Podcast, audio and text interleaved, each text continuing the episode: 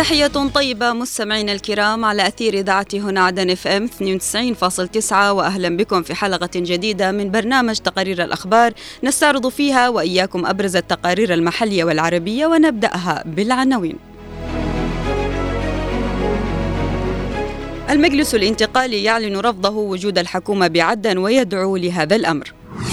حملة رقابة وتفتيش مشتركة بالمسيمير تضبط عددا من السلع الغذائية المنتهية.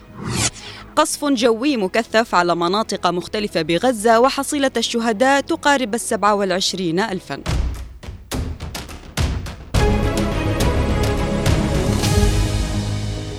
عقدت الأمانة العامة لهيئة رئاسة المجلس الانتقالي الجنوبي اليوم في العاصمة عدن اجتماعها الدوري برئاسة الأمين العام فضل الجعدي وناقش الاجتماع المشهد الاقتصادي والخدمي والسياسي بالعاصمة عدن ومحافظات الجنوب. المزيد من التفاصيل في سياق التقرير التالي. تستمر الأمانة العامة لهيئة رئاسة المجلس الانتقالي الجنوبي وقوفها إلى جانب شعب الجنوب وحقوقه ضد سياسة التجويع التي تمارسها الحكومة وطريقة إدارتها للملف الاقتصادي من خلال حرب الخدمات. حيث عقدت اليوم في العاصمة عدن اجتماعها الدوري برئاسة عضو هيئة رئاسة المجلس الأمين العام للأمانة العامة فضل الجعدي. وناقش الاجتماع تقرير المشهد الاقتصادي في الجنوب المقدم من الدائرة الاقتصادية والخدمية. الذي استعرض الوضع الاقتصادي الكارثي في الجنوب وفي المقدمة تدهور سعر صرف العملة المحلية وارتفاع أسعار المشتقات النفطية والسلع الأساسية وتدهور خدمة الكهرباء في العاصمة عدن وباقي محافظات الجنوب.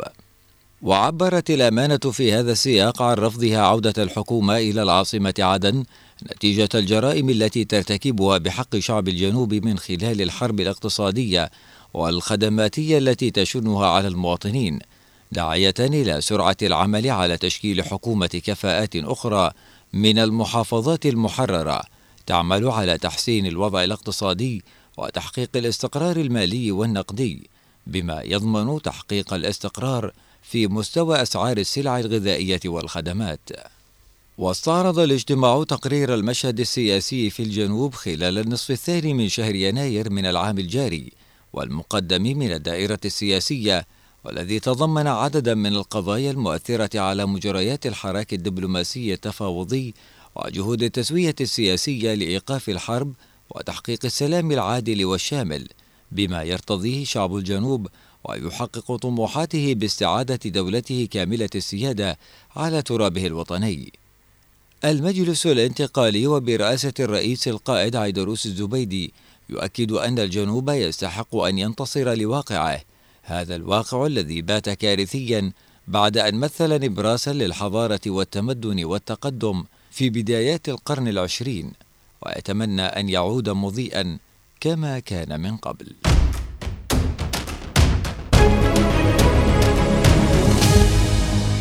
نفذ مكتب الصناعة والتجارة بمديرية المسيمير في محافظة لحج يوم أمس حملة رقابة وتفتيش مشتركة لضبط المواد الغذائية منتهية الصلاحية على المحلات التجارية والبقالات ومراقبة الأسعار وارتفاعها. نتابع التفاصيل في التقرير التالي. حرصا على حماية المستهلكين ومراقبة الأسواق في المديرية. ضبط مكتب الصناعة والتجارة بمديرية المسيمير بمحافظة لحج يوم أمس الثلاثاء عددا من المخالفات التموينية في إطار عمليات الرقابة التي يقوم بها على أسواق مركز المديرية وذلك لحماية المستهلكين. وأوضح ممثل مكتب الصناعة والتجارة رئيس قسم حماية المستهلك محمود عادل عباس بأن مكتب الصناعة اتخذ الإجراءات القانونية اللازمة حيال كل المخالفات مؤكدا حرصه على تعزيز جهود الرقابة لمنع الغش ومصادرة المواد منتهية الصلاحية وضبط المتلاعبين بالأسعار. مثمنا تعاون ممثل مكتب الصحة والسكان الدكتور أحمد ربيح ومدير إدارة الرقابة والتفتيش بالمديرية رمزي سيفان ودورهم في تذليل مهام مكتب الصناعة والتجارة الميدانية لضبط المخالفين وحماية المواطن من أضرار المنتجات الفاسدة.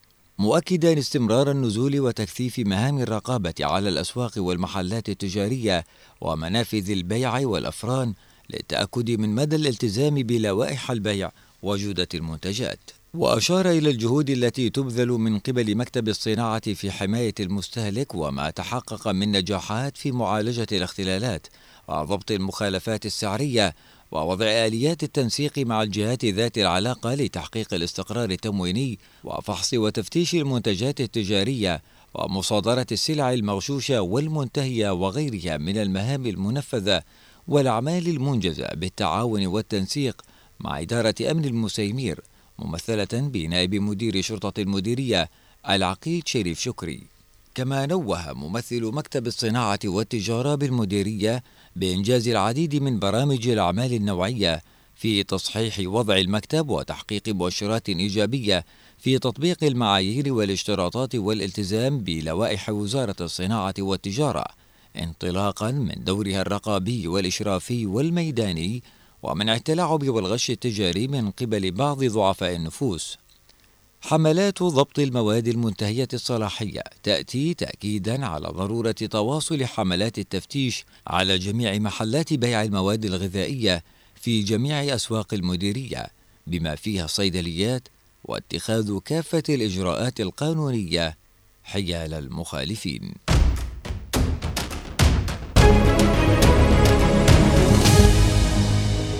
أعلنت وزارة الصحة في قطاع غزة حصيلة جديدة من ضحايا العدوان الإسرائيلي على القطاع في حين تواصل قوات الاحتلال الإسرائيلية قصف المناطق السكنية وتجمعات النازحين. تفاصيل أوفى في سياق هذا التقرير.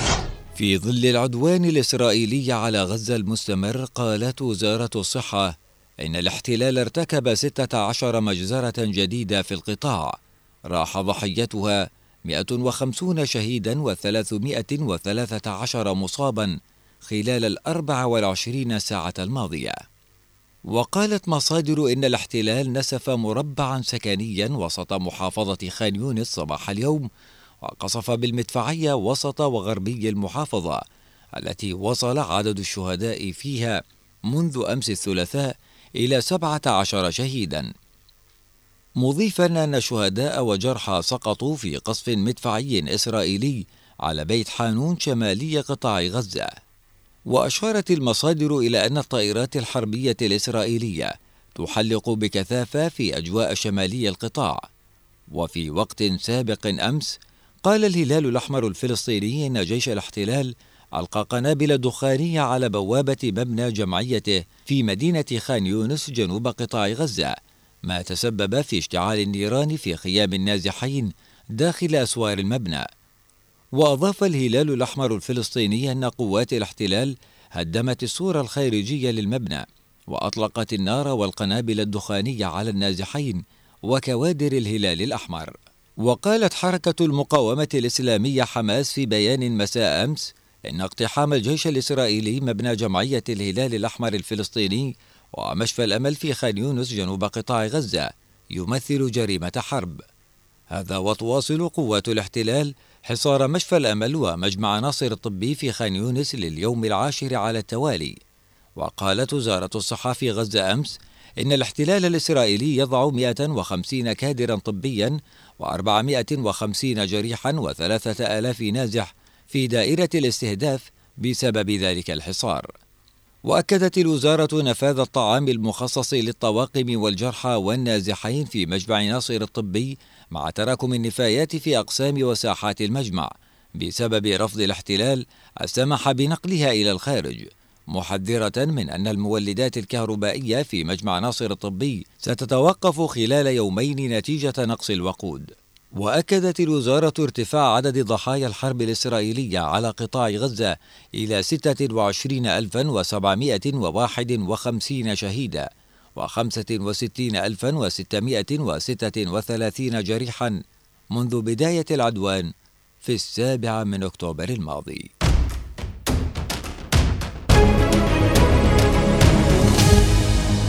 أعزائي المستمعين إلى هنا نصل إلى ختام هذه الحلقة من برنامج تقارير الأخبار. كنت معكم من الإعداد والتقديم عفراء البيشي ومن الإخراج خالد الشعيبي. أطيب التحية إلى اللقاء.